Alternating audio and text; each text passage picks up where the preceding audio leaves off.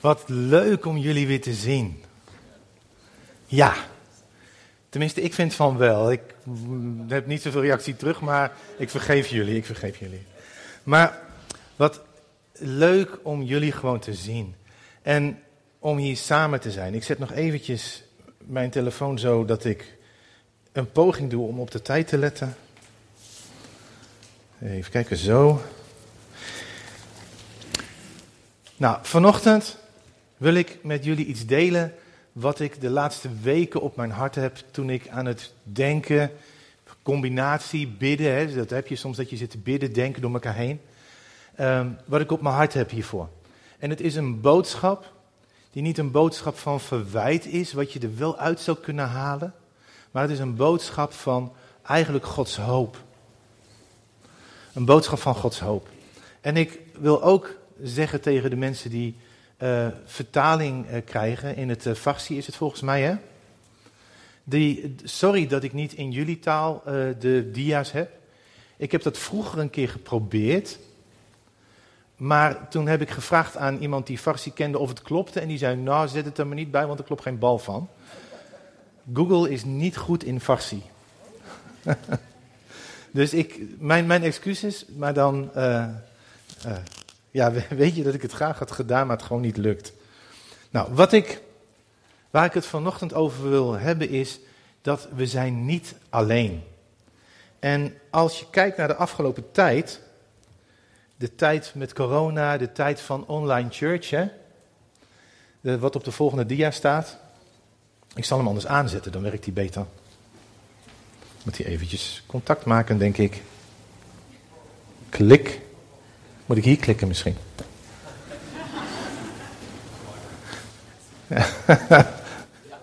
ja, maar dat was ik niet. We zijn gewend aan online diensten. En wat het gevaar is van dat we de kerk online hebben meegemaakt. En ik zie dat bij meerdere mensen gebeuren. Is dat er een gevoel komt. Ik kan het eigenlijk wel in mijn uppie. Ik kan wel alleen God volgen en alleen in zijn, in zijn uh, zorg zijn. We kunnen het wel op onszelf doen en wat we dan uh, makkelijk in de valkuil vallen, is dat we een soort menu van preken of studies samenstellen die we gewoon heel erg fijn vinden. Terwijl ik geloof dat een van de redenen dat we kerk zijn, is dat het soms schuurt. Dat die ruwe plekjes die ik heb, soms glad geschuurd worden omdat iemand in de gemeente met mij schuurt. Maar dat gaat niet gebeuren als we preken en studies uitzoeken die we zelf gewoon lekker vinden. En ik geloof dat het gevaar van zeggen: ik red het in mijn uppie wel, ik heb eigenlijk de gemeente niet nodig, is dat we een, een houding gaan krijgen van: ik heb eigenlijk niemand nodig. Ik ben onafhankelijk. En ik weet niet of jij je Bijbel gelezen hebt, maar onafhankelijkheid is nooit een doel geweest van God voor ons. Bij God is het het volk, de generaties, de gemeente. God denkt altijd in de relatiesfeer. En God is zelf een God die vanuit relatie werkt. Het is zelfs zo dat veel van wat God doet, hij doet op de basis van hoe ver wij hem toelaten, in hoeverre wij een relatie met hem aangaan. Dus God is altijd, denkt vanuit de relatie. En de coronasituatie heeft gemaakt dat wij een stukje uit dat denken zijn gestapt.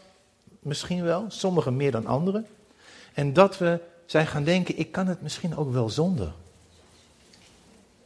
Ik kan misschien wel zonder verantwoording aan anderen af te leggen God volgen. En misschien kan ik wel zonder dat het soms schuurt, gevormd worden. En ik denk dat dat een, een grote valkuil is. Want wat ik ook zie bij mensen die daar echt hardcore voor kiezen, en begrijp me niet verkeerd, je kan gekozen hebben om thuis te blijven omdat hier gewoon geen plek was. Gewoon praktisch. Of dat je in de zorg werkt of iets anders kwetsbaar bent en zegt ik ga het risico niet nemen. Maar dat is wat anders dan je losmaken voor een deel van het gezin van God. Dat is niet hetzelfde. Dus begrijp me niet verkeerd, hè? Want een van de redenen waarom ik geloof dat we gemeente zijn, is. Ik, ik mag er weer een klik. Het ding vindt gewoon echt van niet, hè? Batterij doet het wel. Zoals mijn ijzer scherpt met ijzer, zo scherpt een mens zijn medemens. Ik vind dit een mooie en een nare tekst. Gewoon heel eerlijk. Het mooie is dat het principe zo mooi is. Het nare is dat het iets is wat schuurt. Als er iemand is die langs mij heen wrijft en schuurt, dat, dat is niet altijd prettig. Dat kan confronterend zijn, dat kan gewoon irritant zijn. Maar als we dat niet hebben, dan geloof ik dat wij het missen om gevormd te worden en scherp te worden. Ik weet niet of je wel eens geprobeerd hebt om gewoon een ijzeren mes ergens in de buitenlucht te zetten en gewoon te laten gebeuren. Dat ding verroest en wordt zo bot als, zoals mijn oma zei, het achterwerk van Sinterklaas. Ja, ik citeer even. Dat, dat werkt niet. En toch denken we dat in ons uppie we gescherpt kunnen worden. Op een niveau zoals het zou kunnen in de gemeente. Of misschien denken we zelfs dat het beter kan. Want dan hebben we niet die mensen die schuren. Maar het is net dat schuren wat vaak maakt dat we scherpen. En we hebben mensen nodig om te zorgen dat we niet in een richting gaan lopen die hartstikke eenzijdig is. En dat is niet alleen zo in het gebied van hoe we naar de wereld kijken, maar het is in het kennen van God ook. Wie is God? Wat is zijn karakter? Daar heb ik anderen voor nodig om dat te beseffen. En daar hebben we de generaties voor nodig. Kent u die tekst? Dat we met alle heiligen tezamen de diepte van Gods liefde kunnen kennen. Nou, laten we er even voor het gemak van uitgaan dat er straks 2 miljard kinderen van God zijn. Betekent dat ik ongeveer 1 miljardste deel snap van Gods liefde. Ik heb jullie nodig om Gods liefde beter te begrijpen. Ik heb echt jullie nodig. En ik heb mijn gemeente, ik, jullie weten dat ik in Wierde in een gemeente pastor uh, alles onder de 30 ben. En ik heb die gemeente, ik heb die mensen nodig om meer van Gods liefde te snappen. Maar ook de generaties zijn nodig. Wat staat er? Er staat er dat jongeren zullen, en ik haal, ik, ik verhaal het steeds om elkaar, jongeren zullen dromen, dromen en ouderen zullen beelden zien of andersom. Maar het is niet hetzelfde. De jongeren die ervaren God niet precies hetzelfde als de ouderen doen. En de jongeren hebben daarin de inspraak van de ouderen nodig om meer van God te zien. En vice versa. Dus ook voor kinderen, deel met de ouderen wat jij met God meemaakt, want het is iets wat zij niet hebben. Daarmee geef je hen iets wat hen rijker maakt, wat ze meer van God doet snappen. Van de tieners ook. Jullie zijn in een andere fase. Jullie maken God anders mee dan wij als volwassenen. Alsjeblieft, deel het. Want het maakt ons rijker. En andersom. We hebben nodig om daarmee elkaar te scherpen. Maar het is ook zo in je identiteit. Dat je bevestigd wordt, maar soms ook wordt geholpen om, om niet uh, van het pad af te raken. Met wie je bent en wie God je bedoeld heeft en waar je voor geroepen bent. En ik heb dat nodig. Soms denken mensen dat als je hier staat, dan heb je het voor elkaar en dan, dan kun je ook zonder anderen. Nou, toevallig, gisteren, waren, he, Ines was erbij, we hadden een, een, tijd van gebed met mensen die betrokken zijn bij een school, uh, die, die jongeren, eh, vooral jongeren, maar ook, ook eh, volwassenen wil opleiden in het maken van kunst vanuit het hart van God. Verschillende vormen daarin. En we waren aan het bidden. En ik zat daar en ik zei echt waar, Heer, ik heb een woord van u nodig. Ik heb een woord van u nodig. Ik heb nodig van u te horen. En ik zal je uitleggen waarom. De gemeente in Wierde waar ik zit, is in de coronatijd door een hele moeilijke tijd gegaan. We hebben, de voorganger is gegaan, die is nu legerpredikant. En dat is op zich niet, niet heel gek en ook niet met ruzie of zo. Maar de raad is gestopt, er is een nieuwe raad en de gemeente is kleiner geworden. Dat heeft tot gevolg dat een gemeente waar ik anderhalf jaar geleden begonnen ben, nu heeft gezegd: Het spijt me, Giovanni, maar we moeten jou laten gaan. 1 januari ben jij niet meer in dienst. Nou, dat doet wat met je, want ik had gehoopt daar heel veel van God mee te gaan maken. En nu is dat over een half jaar afgelopen. Dus ik zei, Heer, ik heb een woord van u nodig. En dan vind ik het leuk dat net toevallig een leef iemand, Ines, een woord voor mij krijgt waarvan ik denk, wauw, Heer, dit is een woord wat, wat, ik, wat ik snap. En jij wist niet dat ik ontslagen was. Nee, dat wist jij niet. Nee, dat heb ik nog nagevraagd aan Carla, van heb jij soms iets verteld? Maar dat was helemaal niet zo. Over dat ik zou gaan en dat ik zou gaan zonder te weten waar ik terecht zou komen. Maar dat God dat juist waardeerde en dat God daar vrucht zou geven. Nou, ja, hè? Gewoon, bullseye, in de roos. Maar als ik onafhankelijk ben, had ik dit gemist, hè? Had ik gewoon gemist. Als ik in mijn eentje had gezeten. Ik heb nodig, het was voor mij zo'n bemoediging. Want natuurlijk worstel ik ermee. Heer, wat nu? Ik dacht dat dit uw pad zou zijn. Dus we hebben nodig dat we elkaar mogen scherpen. Maar als we dat niet doen, dan krijgen we iets wat lijkt op wat, een, wat, met een volk was wat in de Bijbel genoemd werd. Klik. En dit is een plaatje van Asterix en Obelix, gewoon omdat ik het leuk vind. Maar dit gaat over een volk. En het staat er ook daarop. Eh, ik zal even zeggen wat er gebeurt. Het volk van God neemt het land in, maar er is geen plek voor de stam van Dan. En dat is niet het, woord, het werkwoord dan, of, of uh, dan komt dat, maar er heet iemand Dan.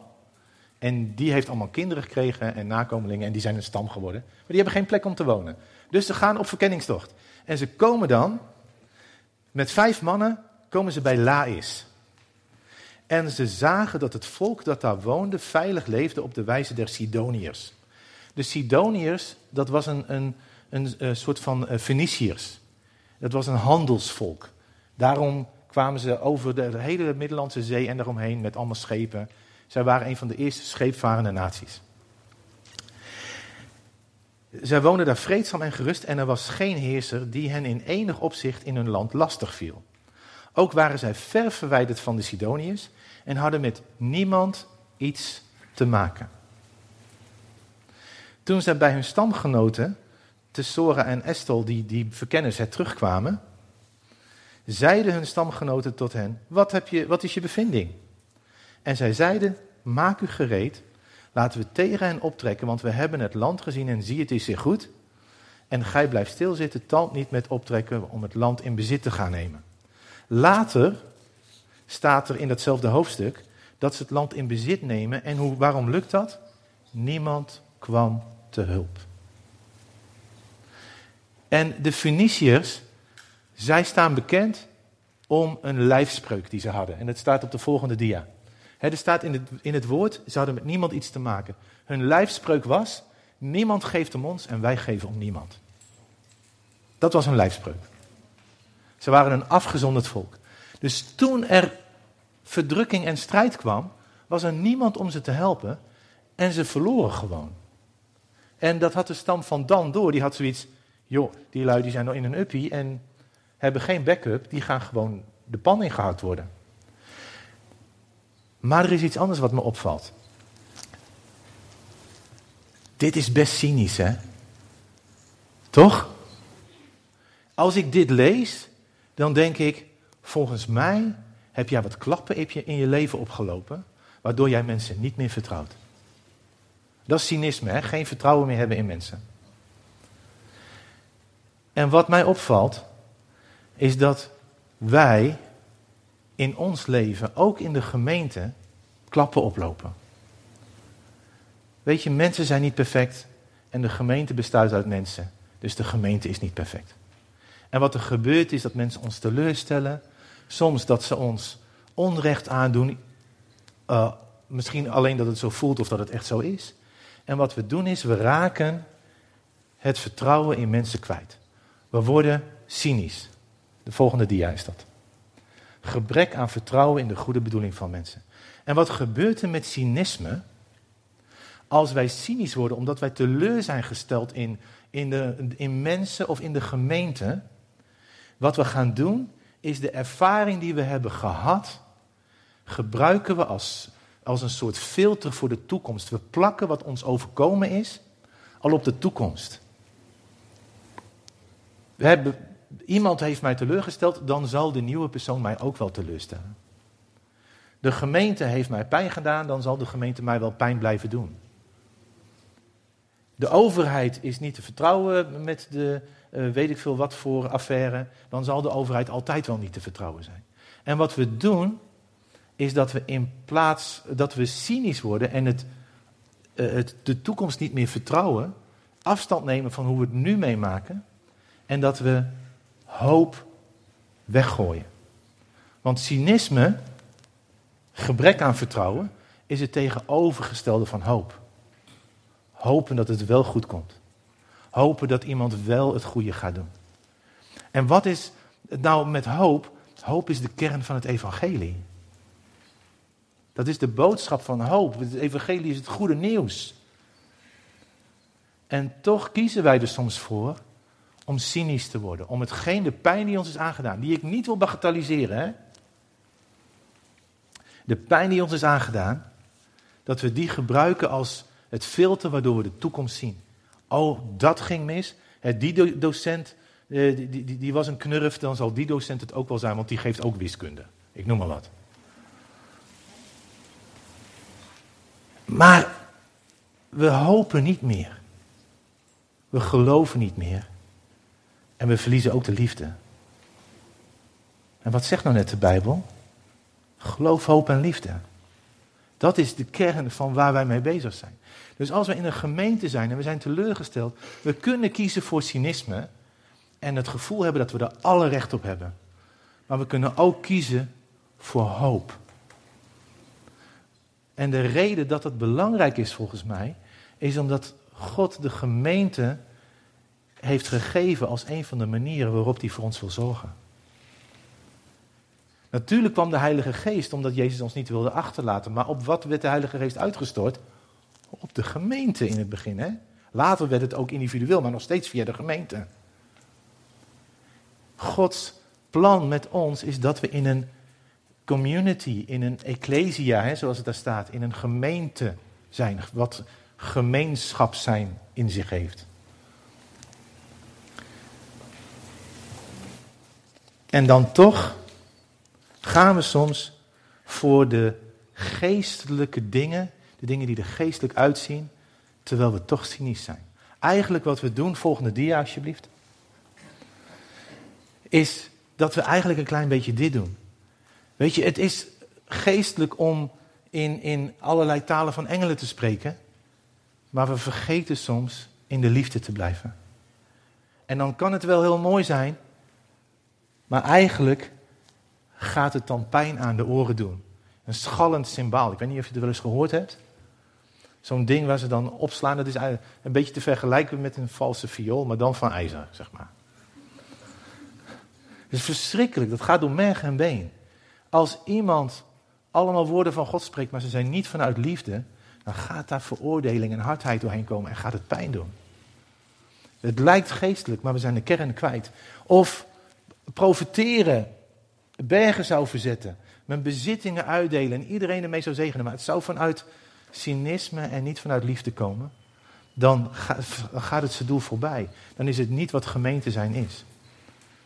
Want, en dat is de volgende dia, dit is wat er iets verderop staat. Nu blijven geloof, hoop en liefde, deze drie. Maar de meeste is de liefde.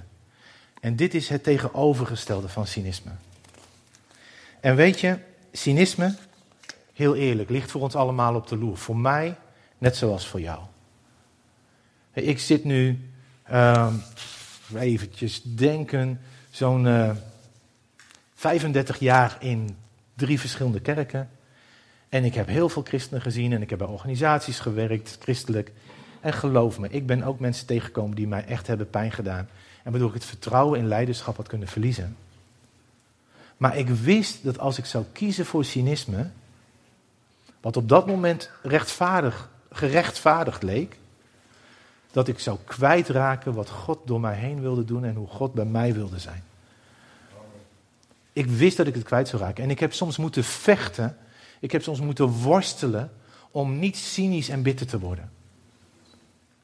Naar leiders, naar gemeentes. Niet deze gemeente hoor, valt wel mee. Voordat het mijn laatste spreekbeurt hier was. Puur eigenbelang dit.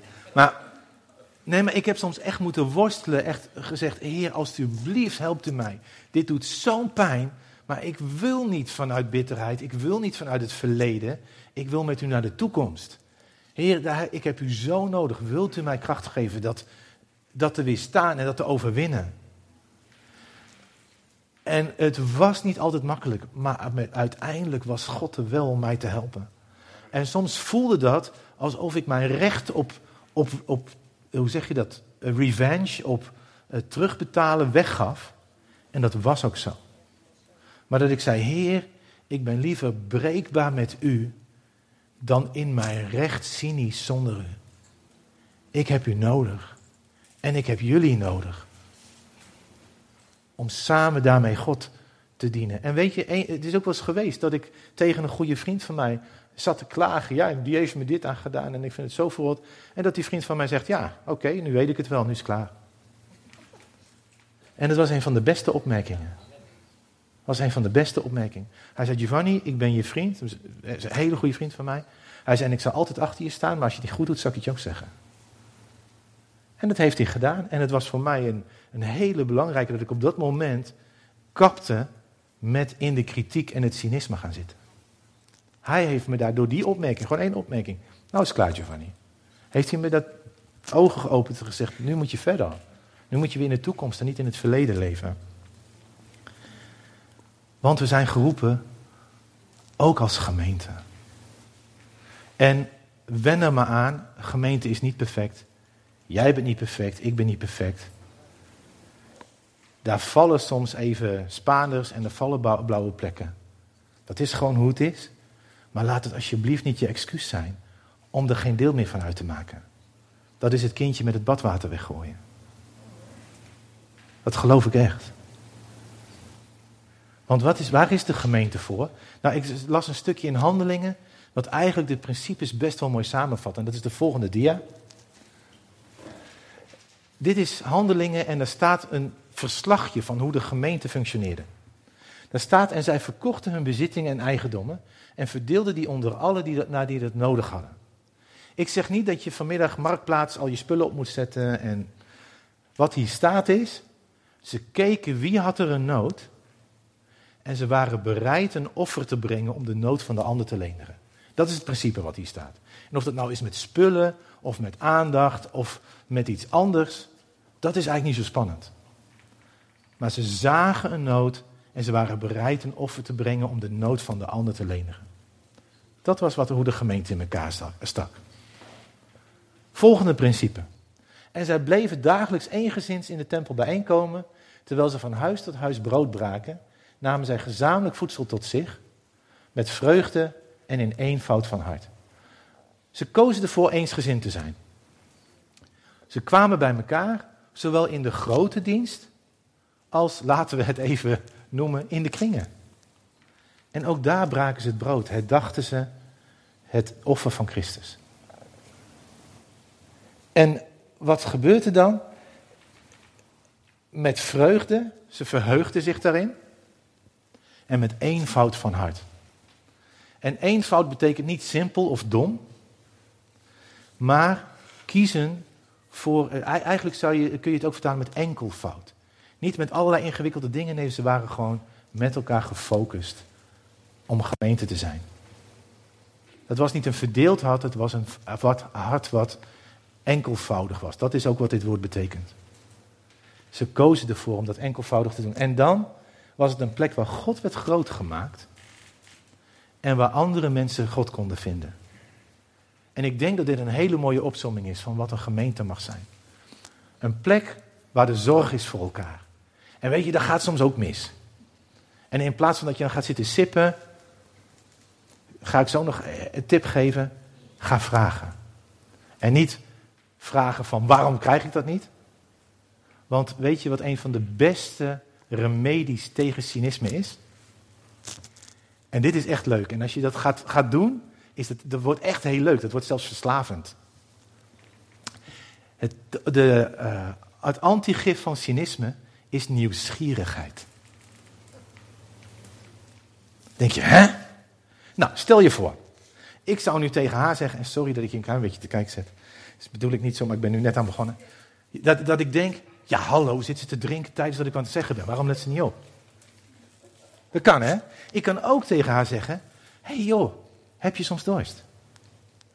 Zij heeft waarschijnlijk dorst, want ze dronk aardig wat. En dat is alleen maar slim, hè? vind ik heel goed. En ik ben eigenlijk gewoon stiekem jaloers dat jij wel water hebt en ik het steeds vergeet. Maar, dus het is puur jaloezie dat ik dit zeg nu eigenlijk gewoon. Ik kan oordelen, maar ik kan ook nieuwsgierig zijn. En misschien vertelt ze me wel iets waar ik wat van leer. En zo kan er iets gebeuren dat je denkt, waarom denken ze niet aan mij? En dan vraag je, joh, hey, ik had het ook leuk gevonden, wat, wat, vertel eens, waarom, waarom?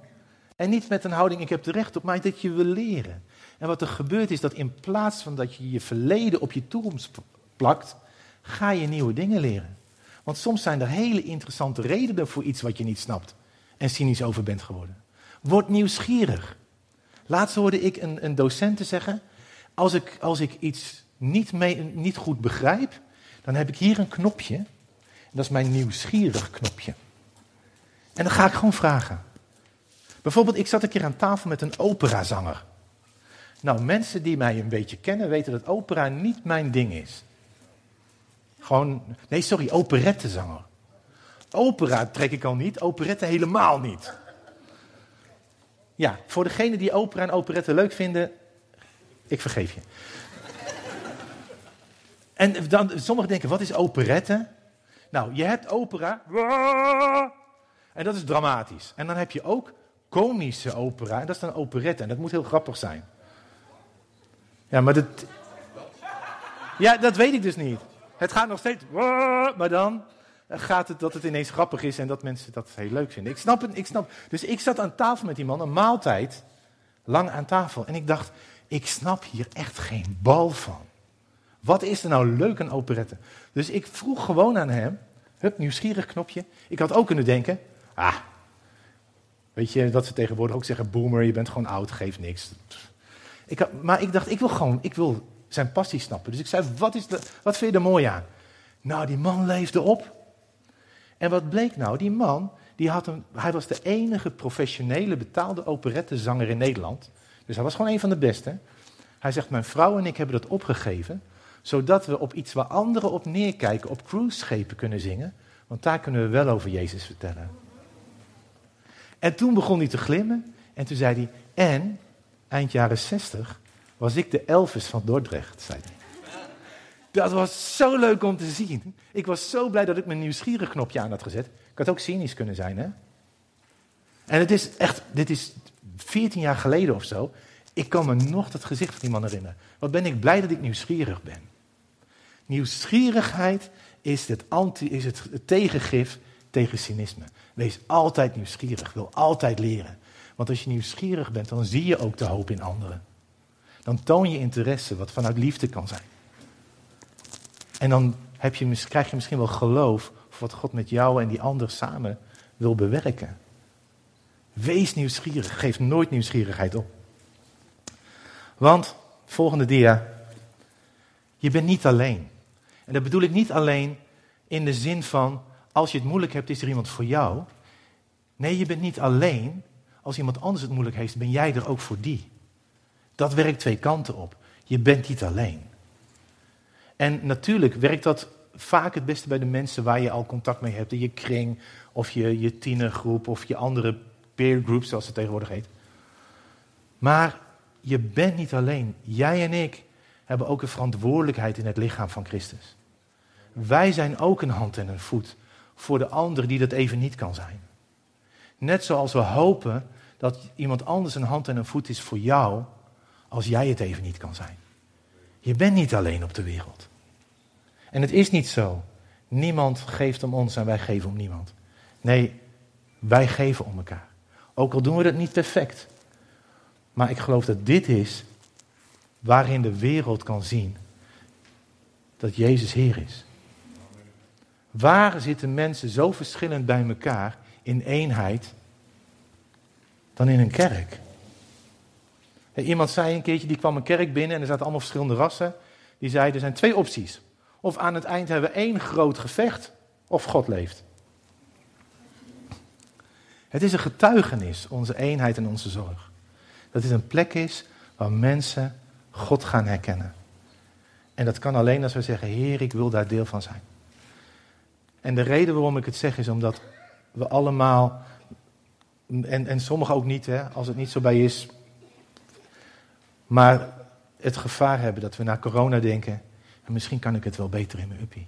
En ik heb het mensen in andere plaatsen horen zeggen. Oh, ik groei veel meer sinds ik in mijn uppie. Maar ik hoorde dat hij heel erg één kant op ging en dat het uit balans begon te raken. Er was geen ijzer meer het ijzerscherpte. En dat is wat ik heel graag wil meegeven. En uh, als er zo meteen een tijd van bediening is, en dat, ik wil uh, daar gewoon ook even uh, met het eh, volgende lied volgens mij, dat je gewoon even de tijd neemt. Heer, ben ik cynisch geworden? Heb ik pijn uit het verleden laten bepalen hoe ik reageerde in de toekomst? En ik zeg niet dat je voor iedereen open moet zijn om je te kwetsen. Wees ook, wees ook gewoon veilig met, met je grenzen. Maar ga niet wat de ene fout heeft gedaan maken dat de ander geen kans meer krijgt. En als cynisme in de plaats is gekomen van hoop, laat God dat aanraken. Ook de pijn die het heeft veroorzaakt. Laat God dat aanraken. Kom straks gewoon naar het kruis en kom voor gebed. Ja? En uh, uh, er staat nu nog een klein filmpje klaar. Dat is een beetje grappig, maar het laat ook het principe zien van wat ik geloof dat God vanochtend wil zeggen. Amen.